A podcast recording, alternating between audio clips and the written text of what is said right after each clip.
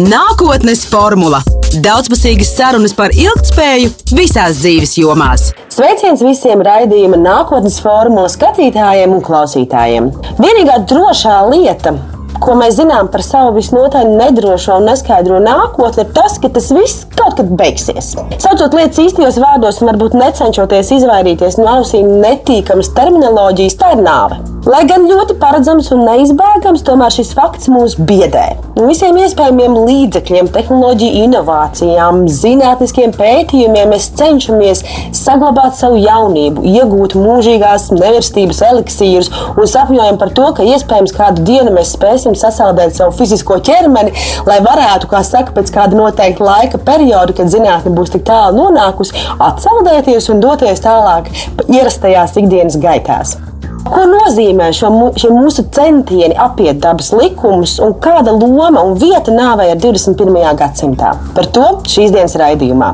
Studijā esmu aicinājusi filozofu un Rīgas Stadeņu universitātes docentu Ivaru Neideru. Sveiks, Ivar! Sveiki! Vai tu vari ieskicēt mūsu sarunas iesākumam, kā ideja par nāvi un izpratni par to ir mainījusies cauri gadsimtiem? Proti, kā ir mainījusies tā mūsu domāšana un uztvere par dzīves neizbēgamajām beigām? Tas, protams, ir ļoti plašs jautājums. Jo, mēs sākam runāt par to, kā izpratne par nāvi mainīsies cauri gadsimtiem, tad, protams, vienmēr ir jautājums, ir tieši, kur viņi mainīsies cauri gadsimtiem un, un tā tālāk. Bet te var iezīmēt varbūt vairākus skatu punktus uz šo jautājumu. Un viens no tiem, protams, ir jautājums par to, kas tad vispār ir nāve. Un, un, un tā, kāds varētu teikt, ka tas ir teikt, uzdot šādu jautājumu, tad tradicionāli tāda filozofa pieksīšanās. Bet savā ziņā tas ir visnotaļ kļuvis par tādu praktisku jautājumu, vai kļuva par praktisku jautājumu uh, 20. gadsimta vidū. Tieši saistībā ar, ar tehnoloģisko attīstību medicīnā, proti, tad, kad parādījās iespējas uzturēt pie dzīvības cilvēkus ar ļoti smagiem smadzeņu bojājumiem, tad, kad parādījās iespēja transplantēt orgānus, tad jau pašā medicīnas, medicīnas um, jomā tika uzdots jautājums, kā mēs tagad nosakām, kurā brīdī cilvēks ir miris. Cienījamā sakot, tehnoloģijas mums dod iespēju uh, šo nāves procesu palēnināt tā, ka mēs varam izdarīt kaut kādus tādus tā kā sakadrēt ja, to nomiršanas procesu. Un tad mēs varam uzdot jautājumu, bet, jo pirms tam šī filma notika ļoti ātri. Ja, kaut kas notiek, cilvēks gūst kaut kādu nopietnu savainojumu, sirds pārstāja pumpēt asinis, cilvēks pārstāja elpot un cilvēks ir miris. Tagad daudzos gadījumos mēs šo filmu varam apstādināt daudzos, daudzos viņas punktos. Un tad mums ir jautājums, kurā punktā mēs pasakām, ka cilvēks, cilvēks ir miris. Tāpēc, piemēram, šobrīd vairumā rietumu valsts pastāv vismaz divas uh, izpratnes par to, kā nāve tiek medicīniski uh, definēta. Otrkārt, protams, ja mēs sākam runāt par to, ko, ko mēs vispār saprotam ar nāvi, tad šeit, protams, parādās daudz un dažādi jautājumi, kas būs, protams, arī saistīti ar, ar priekšstatu par to, kas mēs esam. Nu, proti,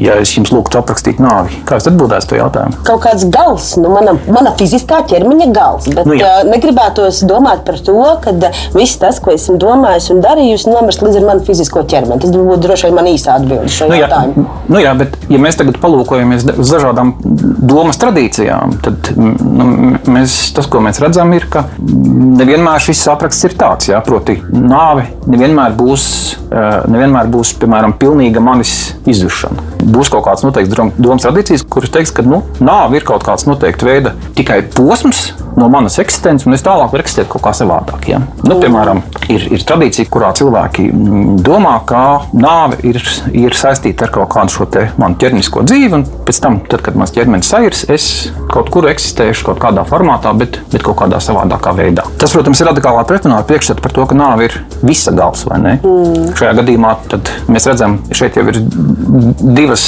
strikt ņemot nu, grūti salīdzināmas izpratnes par to, ko nozīmē nu, nāve pēc, pēc būtības. Protams, iedomāsimies, ka ir šādi divi cilvēki, kur viens saka, ka nāve ir tikai kaut kāds viena posma nobeigums, un es tālāk turpinu dzīvot ko savādāk. Nu, otrs cilvēks teiks, nē, nāve ir visa beigas, bet viņi, viņi noteikti varētu vienoties par to, kurā brīdī, piemēram, mans organisms beidz funkcionēt. To viņi teiks, nu tad, kurā brīdī tas notiek, nu, tas mums jāprasa ir, piemēram, mediķiem. Viņi zinās, kurā brīdī mans organisms pārstāja funkcionēt. Lai gan tas nav, nav tik vienkārši, bet pieņemsim, ka tas tā ir. Šajā gadījumā uh, ir skaidrs, ka šie abi cilvēki vienosies par to, kad mēs fiksējam to, kad es esmu miris vai mans organisms ir miris. Bet viņi joprojām atšķirīgi domās par to, ko šis notikums nozīmē. Vienam tas nozīmēs viena posma beigas, kaut kāda cita posma sākuma, otram tas nozīmēs, uh, piemēram, visa beigas. Arī abos šajos gadījumos tiek pieņemts, ka, ka pastāv kaut kas, kas ir, kas ir es, kaut kāds nemainīgs subjekts, kas kaut kad sācis eksistēt. Un šeit, šeit ar citu parādās, jā, tad kas tas ir.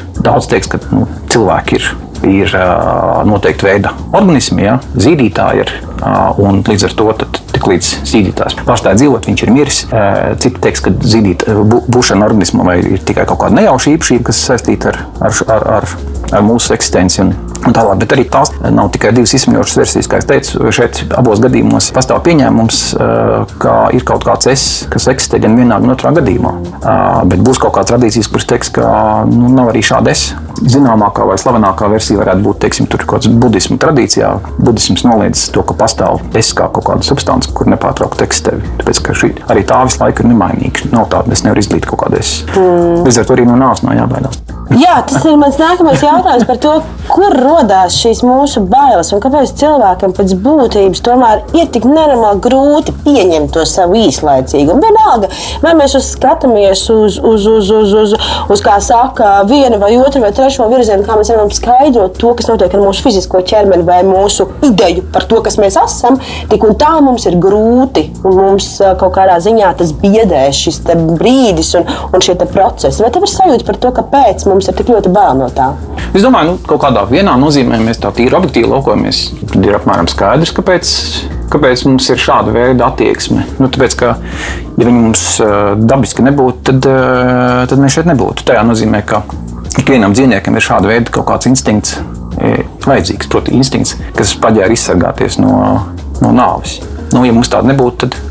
Mm. Uh, tad uh, Proti, citiem vārdiem sakot, ja bija kaut kāda organisma vai dzīves būtnes, kurām šāda instinkta nebija, tad viņi tieši tāpēc arī vairāk nav. Ja? Tas varētu būt tas evolūcionārs skaidrojums, kāpēc mums ir šāda veida sajūta. Nu, tiem, kuriem tas liekas pārliecinoši, viņiem ar šo varētu pietikt. Bet tas, protams, nu, kaut kādā veidā maz pasaka par to, kā mēs no iekšpuses vai no kaut kāda šī savu personas skatījuma uh, uz to raugāmies. Un, un tā, es domāju, tur varētu būt daudz dažādu faktoru, par kuriem ir dažādi domātāji runājuši. Viens no tiem varētu būt tāds, ka mums ir, uh, ir ļoti grūti iedomāties uh, situāciju vai pasauli, kurā mums nav. Tāpēc, ka tiklīdz jūs iedomājaties, mm. vai mēģināt iedomāties, jūs jau reizē iedomājaties sevi kā šīs pasaules, nu, jūs esat jau tas, kurš iedomājas.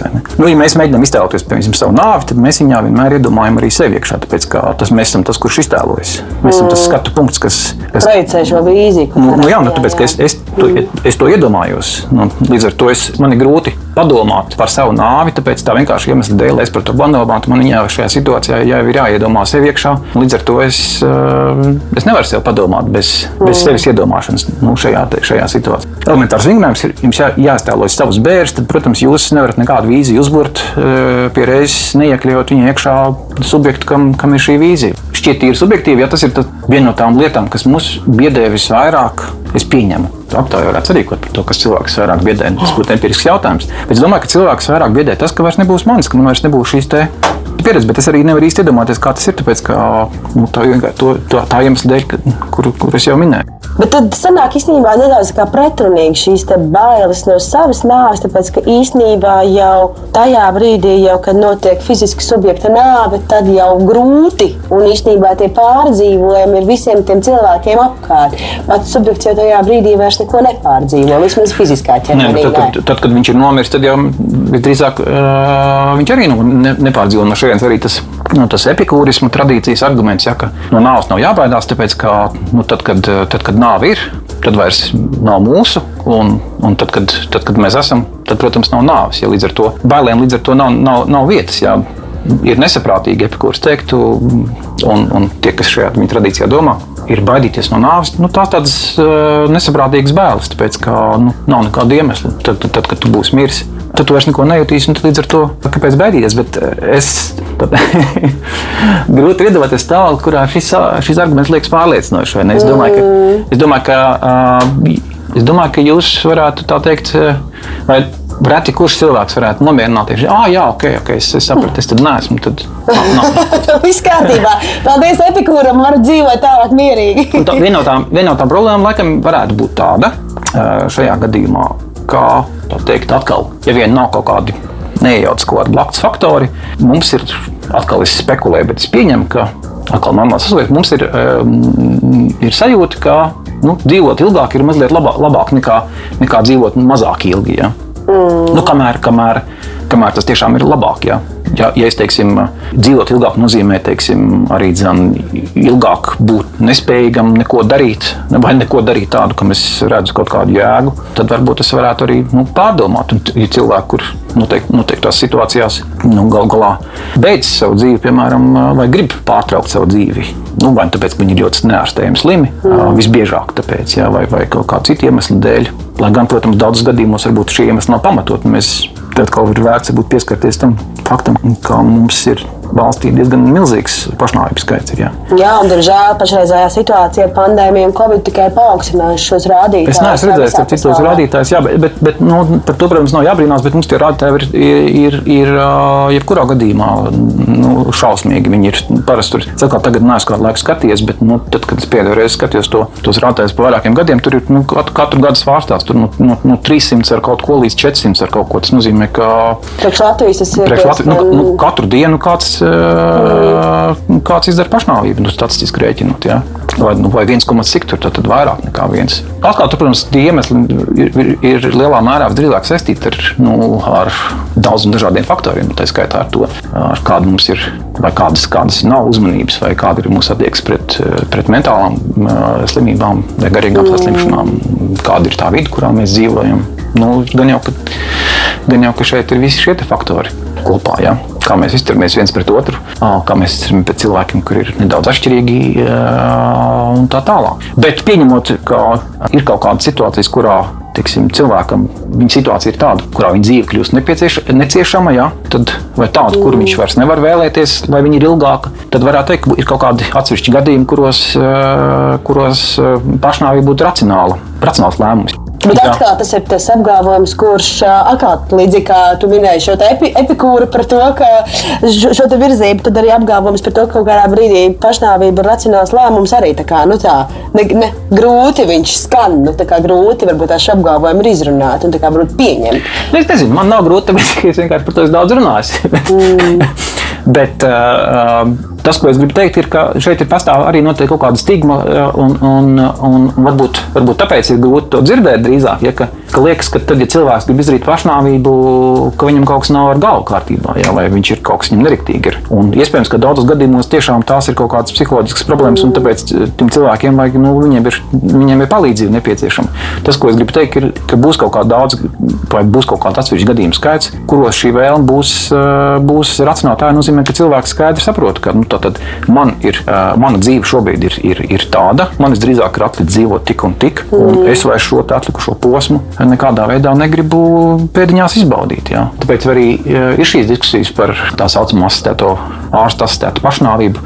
Mm. Kāpēc, kāpēc daudzās rietumvalstīs šobrīd tā ir, ir legāli pieņemama praksa un kāpēc arī Latvijā par to ik pa laikam diskusijas notiek. Nu, tāpēc, ka cilvēki slimo, slimības vienmēr ir ārstējams. Nu, šeit arī tas varbūt tā tēma, ko jūs arī pieteicāt, ja iepriekš ir jautājums par to, kas būtu, ja, ja, mēs, ja mums šāda slimība vairs nebūtu. Ja, ja, ja mēs varētu izārstēt visu, ko mēs varam izārstēt, tad, ņemot, protams, ja, ja mēs varētu izārstēt visas iespējamās slimības, tad laikam tad tā būtu situācija, kurā mēs tikpat vai bezgalīgi dzīvojam. Ja.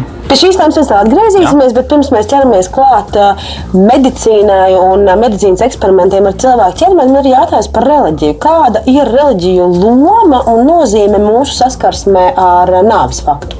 Nu, tādā mūsdienu sekulārā sabiedrībā nu, reliģijas loma ir apmēram tāda, kāda nu, kā cilvēki, kuri pieder attiecīgai reliģiskai kopienai, kā viņi, kā viņi to uzlūko. Ja? Nu, šeit ir, protams, līdz ar to ļoti dažāda šī, šī attieksme. Tā pašā jautājumā teiksim, par, par eitanāziju vēsturi pašmēr tur jau parādās šīs dažādas attieksmes. Daļa cilvēku teiks, ka katram ir tiesības, vai man ir tiesības eh, pieņemt lēmumus, kas attiecas uz manu dzīvi. Līdz ar to no šejienes, kāds varētu teikt, izriet arī no manas tiesības mm. pieņemt lēmumu par to, kad man beigt dzīvot. Un tad būs cilvēki, kas teiks, nē, tas nav pareizi, tāpēc ka tad sekos kaut kāds skaidrojums, kāpēc tas nav pareizi iziet no ļoti bieži eh, no kaut kādā reliģiskos apsvērumos eh, balstīta skatu punkta. Šeit notiek nepārtrauktas diskusijas. Sabiedrība, kurā mēs dzīvojam, šajā nozīmē nu, sastāv no kaut kāda tāda lupatu deķi, vai ne, kur ir dažādi, dažādi domas strāvojumi, kuri bieži vien, protams, ir nesvienojami, tad tas mūsu uzdevums ir, nu, lai mēs kaut kā varam funkcionēt un lai mēs varam kaut, kaut kādus kopējus noteikumus pieņemt, mums ir par kaut ko jāvienojas. Kā mēs tagad darām? Nu, tad kompromiss ir vienmēr jāatrod nu, ar, ar nu, visu cilvēku starpā. Nu, tad, arī tas, nezinu, tad, tas pats jautājums par dzīves biedru likumu, tā saucamo. Ja, nu, Te, te parādās kaut kas līdzīgs. Ja, nu, tad, tad vieniem ir kaut kādi priekšstati, tur nezinu cilvēki lasa Bībeli noteiktā veidā, tad viņiem liekas, ka visiem tagad ir arī tā jādara. Tā kā viņi izlasījuši Bībeli, piemēram, nu, tad citi cilvēki kaut kā tā nedomā. Tad, nu, tas man liekas interesanti. Varbūt šajā aspektā arī tas, ka tomēr, nu, ja mēs paskatāmies varbūt tās uz filozofiskiem diskursiem, nu, tad tur, teiksim, tā, visas iespējas ir iespējas. Un tad ir iespēja atrast varbūt tās to savu skaidrojumu, savu kaut kādu domu graudu, aiz kura pieķerties un attiecīgi ar tādu pārliecību arī dzīvot. Kas attiecās uz reliģiju, tad, tad reliģija diezgan karēvīgi dažkārt mēģina ietekmēt šos procesus, varbūt tā sabiedrisko domu, ja mēs paskatāmies, vai, nu, kas tagad notiek Polijā, ja, saistībā ar, ar, ar abortu jautājumu, vēl kaut kas jāiem, nu, un arī tavs ieskicētais jautājums par, par to pašu ārstu asociēto pašnāvību un viss pārējais mūsu stigmatizētie priekšstati par šiem jautājumiem ir, manuprāt, tomēr balstīti šajās reliģiskajās, valdošajās reliģiskajās kopienās, kuras sabiedrības locekļi mēs esam. Neatkarīgi no tā, ka varbūt tās mēs uz baznīcu neejam un ceļam esam aizmirsuši jebkuru mūsu reliģijā pārstāvēto rituālu, sabiedriskā doma tik un tā ir diezgan izplatīta. Ne, es domāju, ne, tas ir tas, ko es uh, teicu, sakot, ka nu, tas, tā mūsu vide, kurā mēs, kurā mēs domājam, vai tās idejas, ar kurām mēs operējam, viņas jau ir šajā nozīmē ir tāds uh, lupatu deķis. Šeit ir, mums ir kaut kāda nu, ļoti, ļoti novienkāršot. Ja, tad, tad, uh, tas, kādā veidā mēs domājam par daudzām lietām, ja, to, ir, to, ir, to, nos, to ir noteikuši daudz un dažādi vēsturiski faktori. Un šeit arī mēs varam redzēt kaut kādus nu, kaut kādas vēsturiskas ietekmes, ja attiecībā uz kaut kādiem vai nu kaut kādu argumentātu paši tiek izmantot, vai, vai mēs domājam par kaut kādām lietām noteiktā veidā. Ja. Ideja komplekts viņš ir tāds. Nu, no viskaut kas, no viskaut kurienes uh, samests kopā. Un nevienmēr tas viss kaut kādā veidā Mm. Vai nevienmēr ir viegli to visu savietot? Jā? Nu, tāpēc ir cilvēki, kuriem teikt, nē, es neesmu, es neesmu teiksim, tur, um, reliģijos, bet jā, nu, tā ir. Jā, nu, tad, Te iespējams, ka vajadzētu būt uh, kaut kādā veidā, nu, vai vien no, viens no veidiem, kā to mēģināt pārvērt, ir, ir kaut kādā uh, ziņā nu, vienoties. Ja, ka ir kaut kādi jautājumi, kur mums ir jāvienojas. Nu, tāpēc mums ir vajadzīgi kaut kādi kopēji principi vai kaut kāds ietvers, saskaņā kuriem mēs dzīvojam, kas ir kaut kādā vienādi attiecas uz visiem. Un tad ir kaut kādas pārējais lauks, ir diskusijām cilvēki, tad nu, viņi dara, kā viņi grib. Ja, ja, mm. ja man ir iebildumi pret vienzimumu laulībām, nu es nestāju uz vienzimumu laulībās. Ja. Vai, vai man ir iebildumi pret laulībām vispār, es vispār nu, tā, nu, tā tālāk. Ja nu katrs šajā gadījumā var izvēlēties, bet, teiksim, bet ja es nezinu, esmu pievērsies jūdaismam, tad es atkal dzīvoju saskaņā ar šādiem principiem. Kur ir tā problēma, ja, ka, ka nevienmēr ir viegli, viegli atrast uh, kaut kādus tos kompromisus. Ja es uzskatu, ja ir grēks un nevienam nevajadzētu to izdarīt, tad man ir grūti pieņemt, ka kāds kaut ko tādu dara. Ja, vai, vai, vai, vai vēl sarežģītāk laikam varētu būt aborts diskusijās, diskusijās par, par grūtniecības pārtraukšanu gadījumā. Ja? Tāpēc, ka mm. pašnāvības gadījumā, nu, tā teikt, kāds nogalinot sevi uzņemas. Uh, kaut kādu grēku uz sevi, tā ir viņa darīšana. Bet tad, kad, tad, kad mēs runājam par, par godības pārtraušanu, ja, tur jau tas arguments ir tāds, ka es tagad nogalinu kaut kādu citu būtni, ja, un ka es mm. pārkāpu kaut kādas citas tiesības. Tas ir sarežģītāk, vai ne? Šeit ir tā diskusija daudz smagāka šajā nozīmē. Es daudz esmu domājis par to, kā mūsu izpratne un komunikācija par nāvi maina nāves bezpersoniskums. Proti, tas, cik mēs daudz ikdienā savā informācijas telpā un arī Covid-19 ļoti labi parādīja šī saskarsme ar bezpersonisku kvantitatīvo nāvi nāvi. No sākuma tā bija pavisam tālu, sākās Ķīnā, pēc tam jau lēnām ieceļoja Eiropā ar diezgan apjomīgiem skaitļiem un apgriezieniem un, un sasniedz, protams, arī Latviju. Kāda tev ir sajūta? Vai šī dinamiskās informācijas apmaiņas telpa, kurā mēs dzīvojam, kur pa vidu starp, nezinu, putekļu sūcā reklāmām, izklaides šoviem, es nezinu, vēl kaut ko pa vidu bišķiņu par nāvi tik un tik tāda statistika atkal aiziet pēc ziņām kādā, kādā, kāds realitātes šovs vai kāda spēļu filma vai kas, un atkal naktdziņās atkal par nāvi, bišķiņu parunājam. Kā tev šķiet, vai tas kaut kādā ziņā nedeformē mūsu kaut kādu, es nezinu, spēju empatizēt vispār ar to, ka tas ir nopietni, tā ir beigās nāve un, un tik un tik cilvēkiem vai tik un tik ģimenēm tas ir traģiskākais notikums viņu dzīvēs iespējams.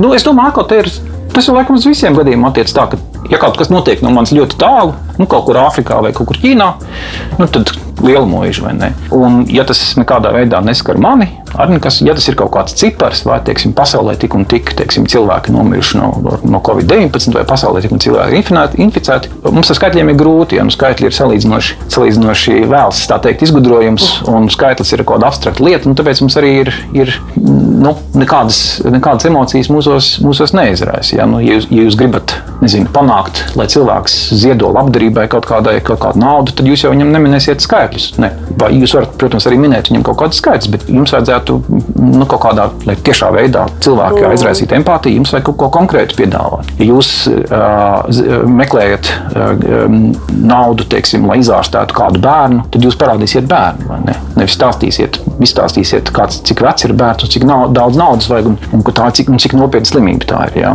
Tas, protams, viss ir skumji, bet tas daudz mazāk iedarbojas nekā tad, ja jūs, ja jūs redzat šo bērnu. Lūk, šis, šis ir tas bērns, kuram jūs esat aicināti palīdzēt, piemēram. Nu, tā mūsu psihi darbojas. Mums vajag kaut kādu pavisam konkrētu piesaisti. Tam mums ar abstrakcijām nu, nekāda empātija īpaši neveidojas. Ja runā par to kaut kā to jūs aprakstīto to komunikācijas tāpu, tur rekur realitātes šovs, rekur ziņas un rekur mirst. Un, nu, tāda jau viņi, tāda mūsu dzīve ir. Laikam, nu, ko, nevar padarīt, ar visu to, tas liekas tā teikt mm, absurdi, bet tāda ir mūsdienu cilvēka dzīve. Nu, tad atkal nu, tā nav, jo viņa parādās arī mm, kādā masu kultūrā tā saucamā. Vai, mums taču ir, nu, mēs kīnā tur un tā tālāk, tur jau visu laiku parādās kaut kāda nāve, bet viņi, viņi ir ļoti bieži viņi kaut kāda kartona, tā nāve, tāda, nu, kaut kāda, tāda, vai, vai nu, tāda visai nopietna. Nu, nu, dažos gadījumos ir nopietni. Tarantīna filmās nav arī tā savādāk nekā nu, nezinu, kaut kāda kino vai nekā nav Venecija. Tas jau saistīts ar to, kādā veidā žanra kaut kāda ietvaros nāve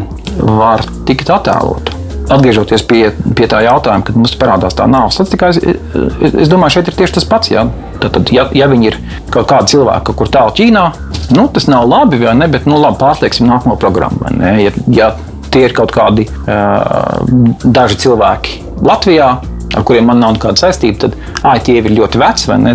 vai arī nu, ah, viņa noteikti ir slimta. Šeit, šeit jau darbojas tas, ka cilvēki, cilvēki aizsargā, aizsargā savu, savu šo labsajūtu. Ja? Es kaut kādā veidā gribu aizdomāt, aizdomāt to prom. Ja? Es neesmu tik vecs, es gan arī neesmu tik slims, lai gan e, e, šis man vienmēr ir. Nu, ja es redzu šos apgalvojumus, ka tas jau tikai slimiem cilvēkiem, tad vidējā latviešu veselība mums nav tik laba. Mums ir daudz cilvēku ar daudz dažādām kroniskām saslimšanām. Ja? Nu, tad, tad es nedomāju, ka, ka daudz cilvēku var teikt, tā teikt, man vispār nav par ko uztraukties, jo es esmu pilnībā vesels. Tad, kad ir parasti diskusijas par to, cik teiksim, ir di militāram dienestam derīgi jaunieši, ja, tad, tad parasti cilvēki pauž bažas par nu, šo kopējo veselības stāvokli. Nu, spriežot pēc tā, kāda mums tā dzīve dzīvildzi ir un dažādi citi dati. Mums laikam nevajadzētu īpaši, īpaši, sprēgāt. īpaši, īpaši, jā, īpaši sprēgāt par šo jautājumu. Laikam nu, tur vajadzētu būt mazliet pieticīgākiem. Šeit iespējams, ka daudzos gadījumos izpaužas cilvēku nu, bailes no tā, ka tas uz mani var attiekties, un tad es mēģinu sev pārliecināt, ka tas tomēr uz mani nekādā veidā neatiecas, ka tie ir tikai skaitļi, vai tas ir ļoti tālu, vai arī tad, ja jau pārāk viņam brauc virsū, tad es varu, vai ne, nu, mēs jau visi kaut kad gal galā nomirsim. Jā. Par nāvi un medicīnu. Es uh, ieskicēju arī, man liekas, tas ir viens no tādiem būtiskākajiem jautājumiem mūsu šīs dienas sarunas laikā. Tad, tad mūsu ambiciozā vēlme iet pret dabas likumiem un visos iespējamos veidos pirmkārt saglabāt savu jaunību jau kamēr mēs esam šajā fiziskajā ķermenī, sākot ar pretgrumu krēmiem un, un botoks injekcijām, vispārējo. Tad krunkains cilvēks vairs nevar būt skaists cilvēks. Viņam obligāti ir jāizstāsta tā, kā viņš izskatījās savos 30, 40 gados gados līdz sirmam vecumam. Ja? Un tad ejot vēl daudz tālāk uz procesiem, jau, kas patiešām ir šī fiziskā ķermeņa uzturēšana un, un, un, un, un, un, un, un mēģināšana to cilvēku tiksim, tā, noturēt pie dzīvības un jaunības pēc iespējas ilgāku laika posmu. Izstāst, lūdzu, kas ir tas, kas ir pašlaik aktuāli medicīnā un kā šie jautājumi tiek skatīti? Kas ir tas, ko tu pārunā ar saviem studentiem un kur, kur ir vai kur nav vairs robežu? Nu, pirmkārt, laikam, nevarētu īsti teikt, ka tā būtu iešana pretī dabas likumiem. Nu, tāpēc, Mēs jau nevis viņam ejam, ejam, viņiem pretīm dabas likumiem, bet mēs uh, izmantojot dabas likumus vai zināšanas par to, kā, kā dabā dažādas lietas darbojas.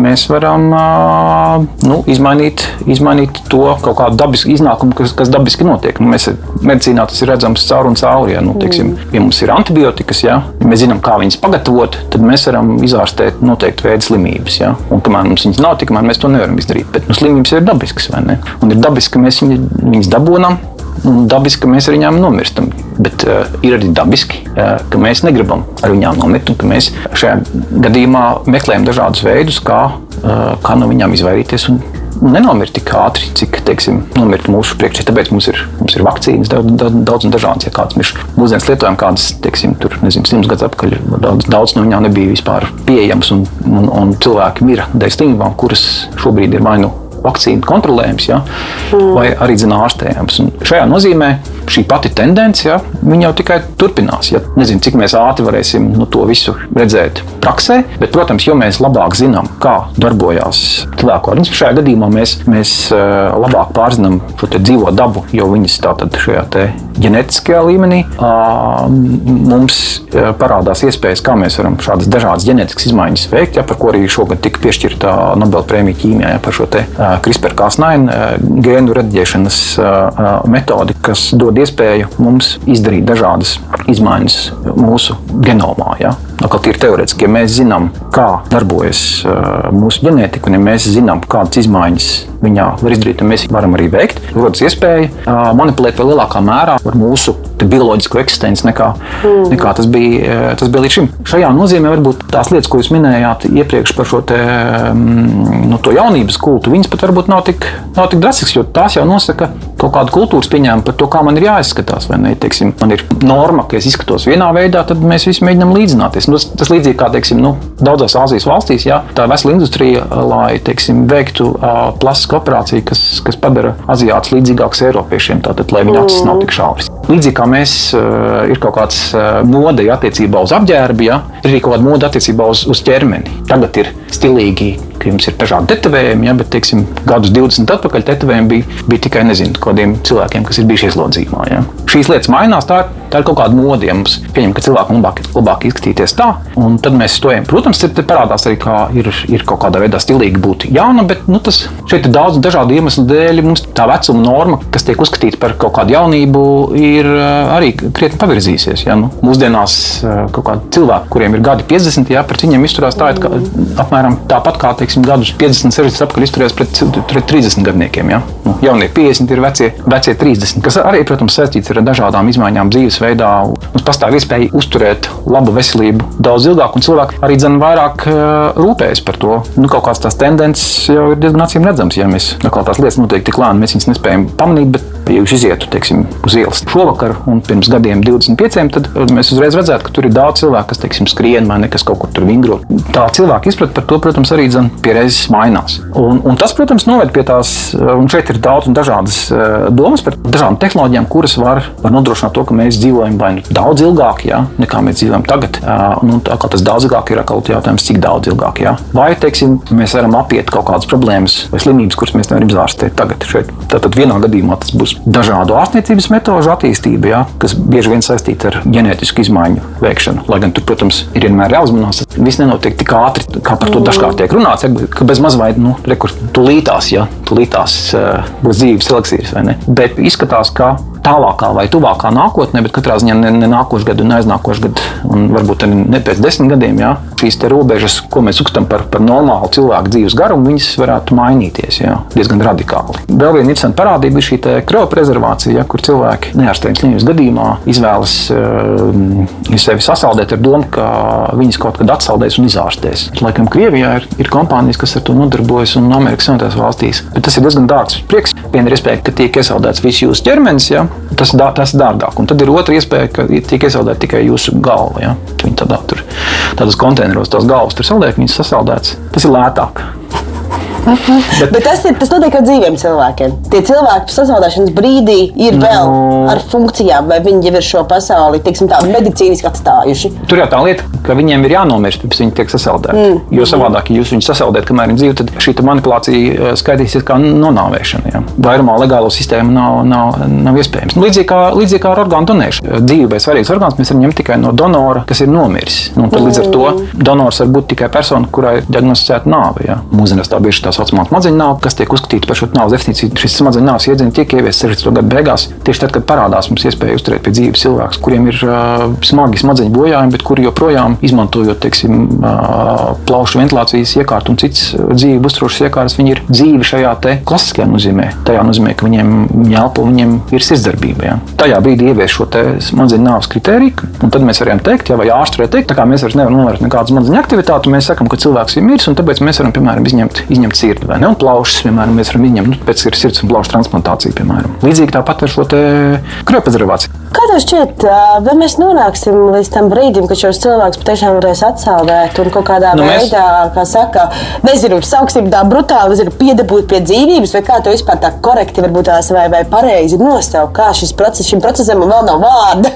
Nē, tur patiesībā šis, nu, tādā filozofiskā nozīmē tas ir interesanti parādība. Mums vispār grūti par viņiem runāt tajā nozīmē, ka nu, mēs tagad jautājam, ir, viņi ir dzīvi vai, vai viņi ir miruši šie cilvēki. Cilvēka nāves definīcija paredzēs to, ka šis cilvēks ir, teiksim, neatgrieznis zaudējis uh, noteiktu veidu funkcijas, ja tur ir elpošana, smadzeņu darbība un tā tālāk. Visos šajos gadījumos būs nāve paredzējusi neatgriezniskumu. Ja? Mm. ja šis stāvoklis ir atgrieznisks, ja, tad tā vairs nav nāve. Ja? Arī mūsdienās medicīnā mēs varam medicīniski inducēt komu, ja? bet tas ir atgrieznisks stāvoklis, mēs varam cilvēku arī pēc tam pamodināt. Vai, teiksim, cilvēkam var apstāties, apstādināt sirdi, palaist šo mākslīgo tā saucamo sirdi, piemēram, sirds transplantācijas operācija ir kaut kāds brīdis, kurā cilvēkam sirds nav. Ne? Tajā brīdī, kad mm. izņem viņa sirdi un ieliek, ja transplantē donora sirdi, ir kaut kāds brīdis, kurā cilvēkam nav sirdsdarbības. Bet tā kā šī, šis ir pieņemot atgrieznisks stāvoklis, mēs neskatām, ka persona cilvēks, tāpēc, ka viņam nav, nav sirdsdarbības šo, šajā brīdī, ka viņš tāpēc ir miris. Tieši tas pats, mēs atgriežamies pie šiem sasaldētajiem cilvēkiem. Tādu. Es pat nezinu, cik viņi pasaulē ir, bet varētu būt kaut kādi, nu, jau simtos laikam jau varētu būt. Viņi ir miruši vai nav? Nu, tā legāli nu, arī kaut vai legāli. Ja? Tad, tad ir legāli. Es pat, godīgi sakot, es pat nezinu, nezinu kāds ir viņa legālais stāvoklis. Principā viņiem, jo viņus var tikt sasaukt tikai tad, kad viņš ir legāli, viņš ir tiek, tiek diagnosticēta nāve. Viņš, un tad, kad diagnosticē nāvi, tad cilvēks ir, ir legāli miris. Ja? Jautājums par to, vai viņu var atdzīvināt, ja laikam mums būs jāsaka tā, vai, vai pamodināt no šīs, vai at, at, at, atmodināt no šī stāvokļa, kādā viņš ir. Tādā tuvākajā nākotnē, cik es saprotu, nav nekādas tādas tehnoloģijas, ar kurām mēs to varētu izdarīt. Un tā cerība ir tāda, ka kaut kādā tālākā nākotnē mums viņa būs, un uh, tad tas būs iespējams. Man liekas, tas tāds drausmīgi opt optimistisks pasākums. Protams, pirmkārt, jūs esat optimistisks attiecībā uz to, ka kaut kad būs iespējama tehnoloģija, kas varēs jūs teikt, atsaldēt mm. un izārstēt. Un īpaši optimistisks tajā gadījumā, ja teiksim, ir, ir, jūs, jums ir jums nav, jūsu rocība atļauj tikai to galvu sasaldēt un nevis ķermeni. Tāpēc tas ir lētāk. Jā. Tas atšķirīgi, laikam, bija diezgan substanciāli. Es ne, precīzi arī neatceros. Bet tas ir daudz lētāk. Nu, tāpēc, ka mazāk vietas aizņem tur tajā, tajā konteinerī. Tie ir vēl optimistiskā cilvēki, tāpēc, ka jums jau ne tikai vajag kādu jūsu atzīmēt, bet jums jau vajag arī kur to galvu kaut kur viņu izvietot. Kaut kur viņu vajag. Uh, kaut kur funkcionāli atrast kaut kādu ķermeņa donoru. Bet nākamais ir jautājums par to, kur jūs pamodīsieties. Nu, kas būs? Mēs iedomājamies daudz un dažādu scenāriju, kāda ir pasaule teiksim, pēc, nu, pēc 200 gadiem. Kas tie būs par cilvēkiem, kas jūs atmodinās? Jā, kuram būs tā motivācija to darīt? Man uzreiz ir prātā kaut kāds, nu, tāds, kāds distopisks, kaut kāds, kaut kāds zinātnisks, fantastisks filmas, kurām varētu uzrakstīt kaut kādu mm. scenāriju, kurā teiksim, jūs atļaujat sevi sasaldēt, un pēc 300 gadiem jūs pamosties kaut kādā distopiskā kaut kādā realitātē, kurā, ir, kurā cilvēki ir jūs atceldējuši, tāpēc, lai ar jums veiksim, eksperimentētu vai, ne, vai kaut ko tamlīdzīgu. Zinām, sakot, tas, ko es gribu teikt, ir daudz iespējamu scenāriju, kurā laikam cilvēki negribētu pamosties pēkšņi. Ja? Nu, tas, kas man liekas arī interesanti, domājot arī par to, ka varbūt tās mūsu dzīves laikā mums būs kaut kādas iespējas, varbūt nu, pielikt katru tos pašus, nezinu, 10, 15 gadus, jo katrs gads kaut kādā veidā brīdī šķiet pietiekami daudz. Bet jau tagad, skatoties kaut vai uz cilvēkiem vidējā vecumā, kas tad ir vēl joprojām šī mūsu tā pagarinātā jaunība, cilvēkam jau ir tik nenormāli jāpielāgojas jaunām lietām, kas ienāk pasaulē. Un jau tas globālais secinājums ir tas, ka mēs netiekam līdzi. Pasaule tik strauji mainās gadās, kad cilvēks jau esošajā laikā un telpā knapi paspēja to visu vispār sagrabot, aptvert un pielāgoties. Ja? Un, ja vēl pareizi to teiksim, kāda ir bijusi attīstība pēdējo 50, 70 gadu laikā, nu, tad kas būs vēl pēc 50, 70 gadiem? Un tad jautājums, cik mēs bezgalīgi esam spējīgi apgūt jaunas prasmes, pieņemt jaunas tehnoloģijas, iemācīties varbūt jaunas komunikācijas un attiecību formas. Tad sanāk, ka jo mēs ilgāk dzīvojam, jo vairāk mums dzīvē nākas pārmācīties, pārmācīties un vēlreiz pārmācīties. Ne, tas jau pat būtu tieši pretēji. Kāds varētu teikt, ka tas ir labi. Tāpēc, ka viens no tiem argumentiem, ko dažkārt min, tā teikt, tā kā tā filozofiski domājot, kas tagad būtu, ja mēs varētu dzīvot, teiksim, nevis nu, kaut kādus, kā nu kurš jau tur 70, 80, 90 gadus, bet teiksim 300 gadus. Tā doma ir apmēram tāda, ka dzīves laikā mūsu dzīvē ir kaut kāda, nu, viņai noteikti kaut kāda noteikta veida struktūra. Ja? Proti, tad, kad es esmu kaut kādā noteiktā vecumā, ja, ir kaut kāds vecums, kaut, kāds, kaut kāds periods, ir kaut kādas lietas, kas man ir jāapgūst, kas man ir nepieciešamas, lai es, teiksim, lai es varētu noteiktas lietas darīt, vai ne? Man Tas ir tas iemesls, kāpēc, kāpēc es kaut kādā tajā brīdī nu, normāli varu funkcionēt sabiedrībā. Tāpēc mums ir varbūt ne strikti noteikti, vai mums ir diezgan, diezgan izplūdušas tās robežas, vai ne. Bet, bet ir kaut kāds pieņēmums, ka, teiksim, ja es esmu tādā un tādā vecumā, man ir jāspēj tas un tas un tas un tā tālāk. Un, tā, un, un tad, uh, un tā, līdz ar to nu, dzīves, dzīves gājums ir kaut kādā veidā sakārtots. Un, un mums, protams, arī vienmēr ir prātā šis faktors, ka, nu, ka ir kaut kāda robeža cik ilgi šeit būšu, cik ilgi dzīvošu. Un, attiecīgi, nu, tad es no tā arī atmēru, ja, nu,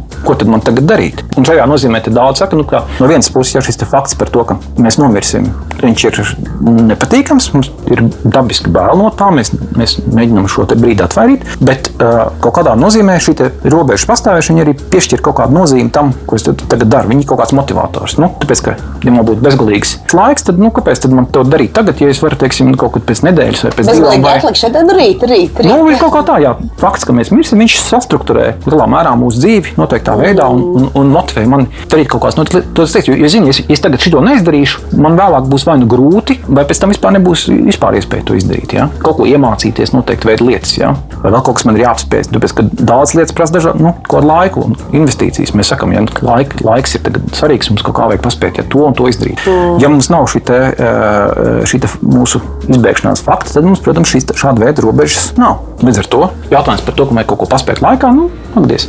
Ja citi, teiksim, ir mirstīgi, tad vēl ir kaut kāds motivators. Nu, man, teiksim, jāstiek kaut kāds cilvēks, tāpēc, ka, lai arī es, es, teiksim, es, es dzīvošu 300 gadus, bet, nu, teiksim, es zinu, ka šis tikai 80, tāpēc man vajag vēl paspēt satikt. Un tas varētu arī būt motivators. Bet, ja jūs dzīvojat 300 gadus, tad tā e, dzīve varētu šķist kā, teiksim, kā izrāde, kur jūs skatāties kaut kādu 150 reizi. Jau, ja?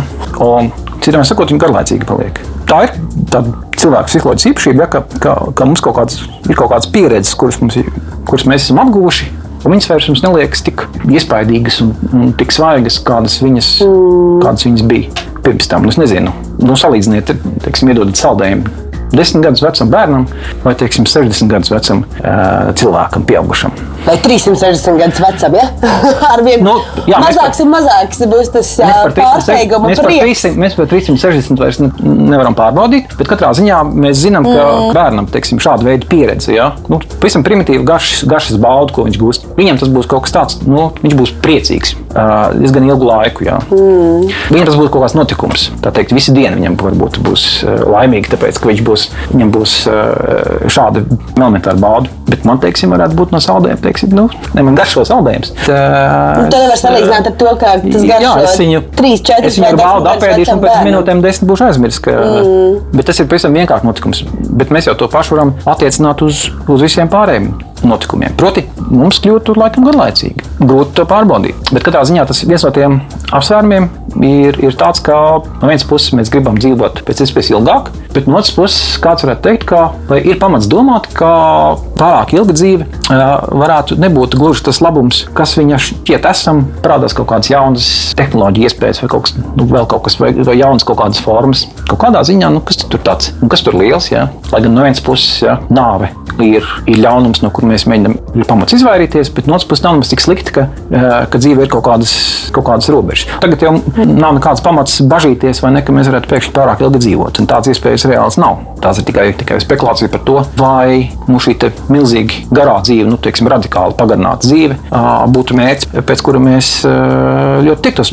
Nu, tie priekšstati par kaut kādu mūžīgo dzīvi, ir drusmīgi garlaicīgi. Nu, vai tur viņas, viņas parasti nav nekāda satura, vai ne? Nu, teiksim, kā beidzās pasakas, ja, un viņi dzīvoja laimīgi līdz mūža beigām. Nu, nenāc, kur tur nekas Viss, nav. nekas ja. nebija, viss drāma atrisināta. Ja, vai, vai, nu, jā, jo mm. tur jau kaut kādu, ir kaut kāds priekšstats, ka dzīvē vajadzīgs kaut kāds scenārijs, vai ne, un kaut kāda attīstība viņas ietvaros notiek. Tāpēc iepriekš teicu, ka jūs esat, ka visu laiku kaut kas mainās, tas jau pat nebūtu slikti, jo tas paredz to, ka kamēr jūs kaut kas, ir kaut kas tāds, kas man ir jāapgūst, un ja es ar to gribu apgūt, man ir kaut kāds intereses, tik, tikmēr jau man ir, ir interesanti dzīvot. Jā, bet tas sarežģīja vēl daudz citus aspektus. Man šķiet, ka viens no tiem, labi, spekulējot par to, teiksim, tādā individuālā līmenī, jā, tad tur jāskatās, vai tas ir vai nav interesanti, bet tad ir vēl tādi arī tādi, man liekas, nu, pirmkārt, racionāli apsvērumi. Tas, ka Zemes ietilpība ir diezgan izmērāma, man šķiet, nu, mūsu planētas gabarīti ir diezgan skaidri, un mūsu jau ir diezgan daudz. un es šaubos, vai šo situāciju palīdzētu risināt tas, ja mums būtu bezgalīgas iespējas pagarināt savu dzīvi. Un otrām kārtām arī tas, ko arī minēju, nu, kad šī pati uh, iespēja sasaldēties, tas ir ļoti dārgs prieks. Līdz ar to mēs nonākam pie vienas ļoti, ļoti būtiskas problēmas, kur brīdī, kad mums ir nauda, kas jau ir eksistējuša problēma, vienkārši eskalējot šo te līdz kaut kādām, kā saka, mūžīgās dzīvības vīzijai, ja tiem, kam ir nauda, tiem pieder mūžīgā dzīvība, viņi vienkārši gluži vienkārši nevar nopirkt, ja, un tiem, kam attiecīgi nav, ja, tad šī sociālā nevienlīdzība iezīmēs vēl daudz skarbāk, un, un, un, un mums jau tā šī problēma globus jau nav atrisināta. Un domājot par šīm medicīniskām perspektīvām un inovācijām, kas mums var palīdzēt uh, uzlabot savu dzīves kvalitāti, diemžēl tas attiecas uz ļoti šauru sabiedrības grupu. Taisnība, taisnība. Tās tādas papildus bažas, par kurām vienmēr tiek runāts, uh, teiksim, diskutēt par dažādu šo te tehnoloģiju pielietošanu. Proti, uh, kā panākt vai izvairīties no situācijas, kurās šo tehnoloģiju lietošanas palīdzību mēs radikāli palielinām nevienlīdzību. No otras puses, ja tā papildus problēma vai jautājums, kas šeit vienmēr fonā ir, kur, kur nevajag aizmirst, tā problēma ir, ir joprojām tāda, ka mums jau ir ļoti daudz dažādu, salīdzinoši vienkāršu, garlaicīgāku ja vajadzību un veidu, kā šīs vajadzības apvienot. Līdz ar to, kāds var teikt, ja mēs domājam par to, ka mums ir kaut kāds nu, ierobežots resurss, kuru mēs varam ielikt. Ja?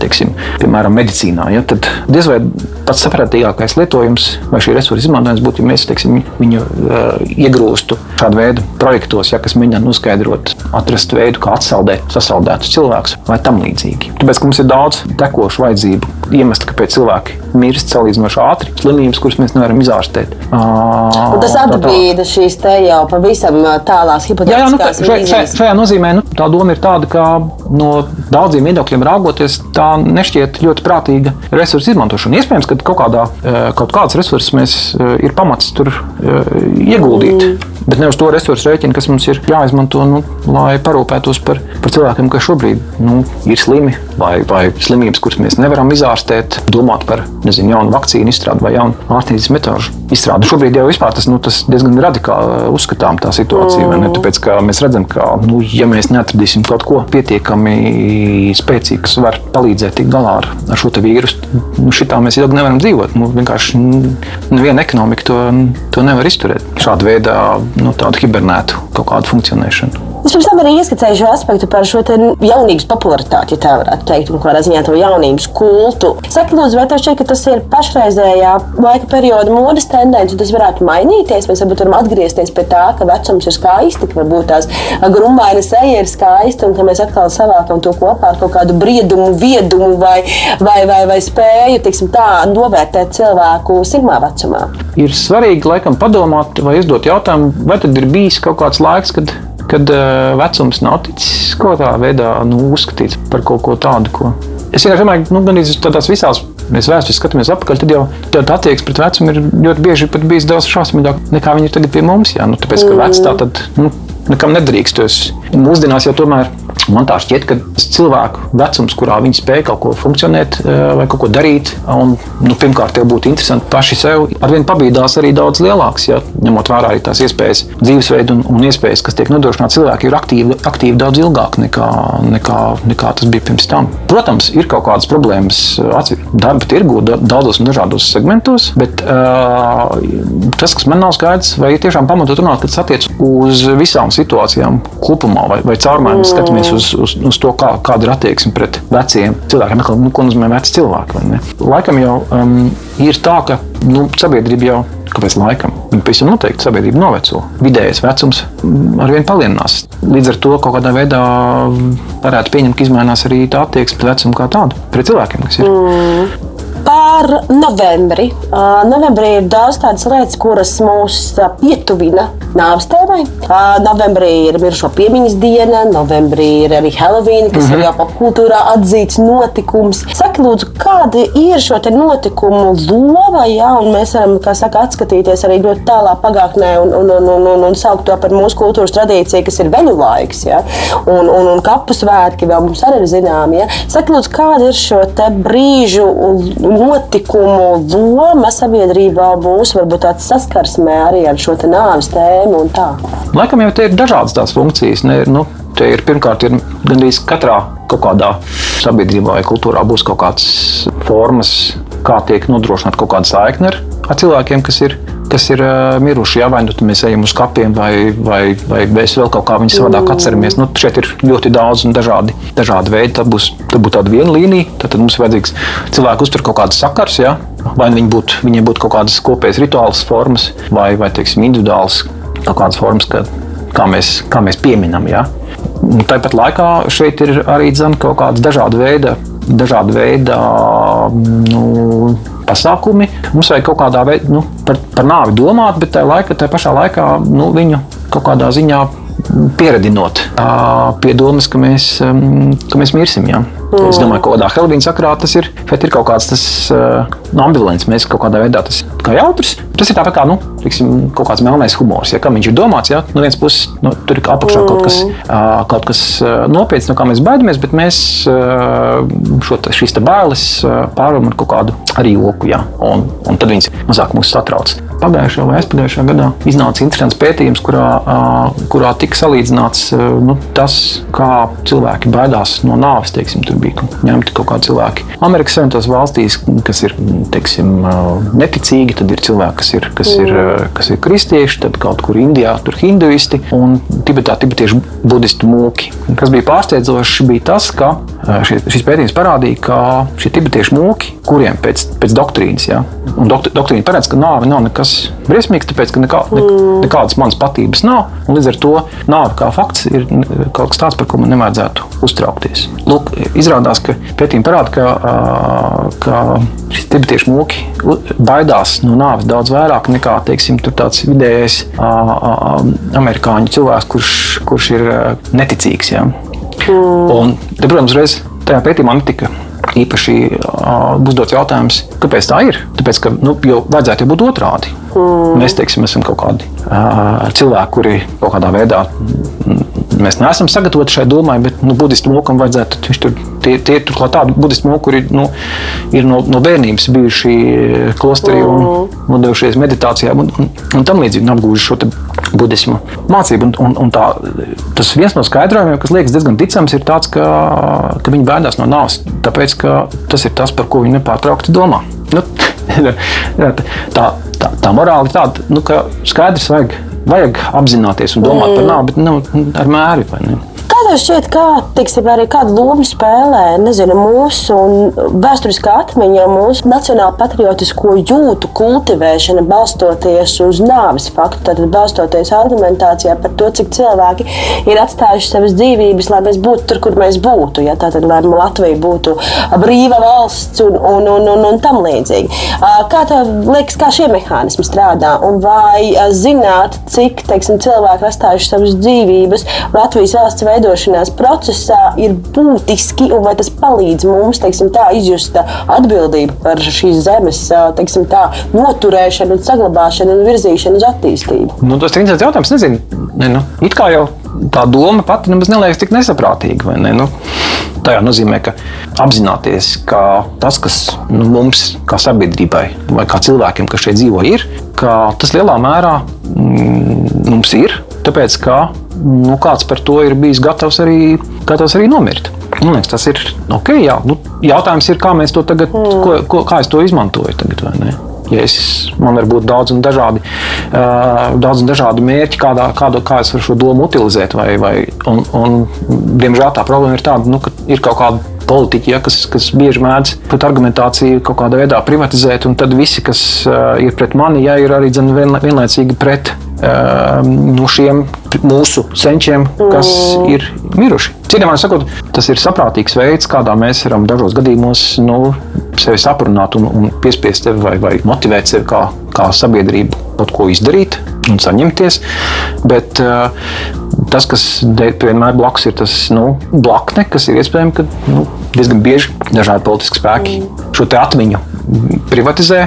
Tā ir tagad mēs esam tie, kas pēc mums vai viņus pārstāv, un jūs nepiekrītat, jūs neesat īsti. Nu, te ir jautājums par to, kurš ir īstāks, īstāks patriots. Un, un tas, protams, vienmēr ir neglīti. Nu. Būšana gatavam mirt idejas vārdā ir vērtība. Teiksim, tā, mēs zinām, ka tas teiksim, tiek dažādos varoņu episodos izcelts kā viena no tādām pamatvērtībām. Tad šī gatavība stāvēt pāri savām interesēm un, un atdot savu dzīvību par kādu šo te, uh, mērķi, vērtībām, ja, vajadzībām, vienalga, kā mēs, kā mēs to skatāmies skatāmies, kāda tev ir tā sajūta? Vai, vai būt gatavam uh, riskēt ar visu, kas tev šajā teiksim, tā, fiziskajā ķermenī ir dots šeit un tagad, ir tātad vērtība, un, un vai šī vērtība ir aktuāla arī šodien, 21. gadsimtā? Es domāju, ka nu, skaidrs, ka uh, daudzas lietas laikam ir gandrīz vai neiespējamas bez, bez cilvēka gatavības uh, nu, nolikt malā kaut kādas savas personiskās intereses un darīt kaut ko kaut ko citu labā. Tāpēc, ka, nu, ja mēs runājam par, par, par valsts kā kaut kāda politiskas struktūras vai, vai sabiedrības pastāvēšanu, tad nu, viņi nevar darboties bez, bez šāda veida priekšstiem. Skaidrs, ka īpašos laikam jau kaut kādos izšķirošos brīdu, brīžos varētu nu, tas paģērēt arī kaut kādu nepieciešamību ziedot daudz vairāk nekā normālos apstākļos. Ideja pati par sevi, teiksim, tur mesties, mesties uz ambrazūras kaut kādu ideju vārdā vienmēr nu, pati par sevi. Viņu, es, nu, es uzreiz neteiktu, ka tas ir kaut kas, kaut kas tā tāds. Nav, tā nav varonība a priori un, ne, nu, un gudrība. A, a, a priori tā, protams, nav varonība. Nu, mm. Tāpēc, tā var būt, tā var būt arī muļķība. Jautājums ir par to, kādā tas tiek darīts. Vairumā gadījumā tie būs kaut kādi, kaut kādi etiski vai morāli ideāli, kā mēs viņus varam raksturot. Bet nu, šie morāli ideāli varētu būt arī tādi, kas ir vai nu iluzori, vai, vai pilnīgi nu, nepieņemami. Ir taču cilvēki, kuri nezinu, uzspridzinās kaut kādas idejas vārdā un ar domu, lai paņemtu pēc iespējas vairāk cilvēkus līdzi un kaut ko pierādīt. Nu, grūti redzēt, kāpēc tas ir labi vai ne. Noslēdzot mūsu sarunu, mans pēdējais jautājums par to, vai nāvei var sagatavoties.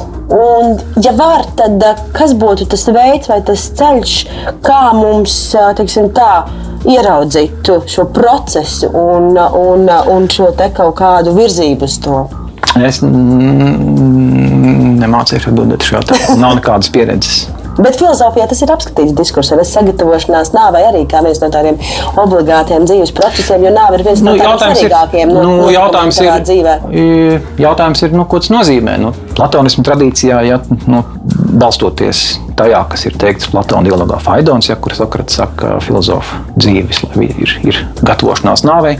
Tur laikam visdrīzāk tas nav domāts, nav domāts kā kaut kāds metožu kopums, kā man sagatavoties nomirt. Tur drīzāk ir runa par to, ka, ka filozofs ir cilvēks, kurš uh, jau nodarbojas ar domām, ar to, kas nav ķermenisks, un tādā veidā viņš, jo vairāk viņš domā, jo viņš uh, ir tuvāks stāvoklim, kurā dvēsele atbīd no ķermeņa, proti, proti viņš šajā nozīmē. Tā ir domāšana būs mm. šī te.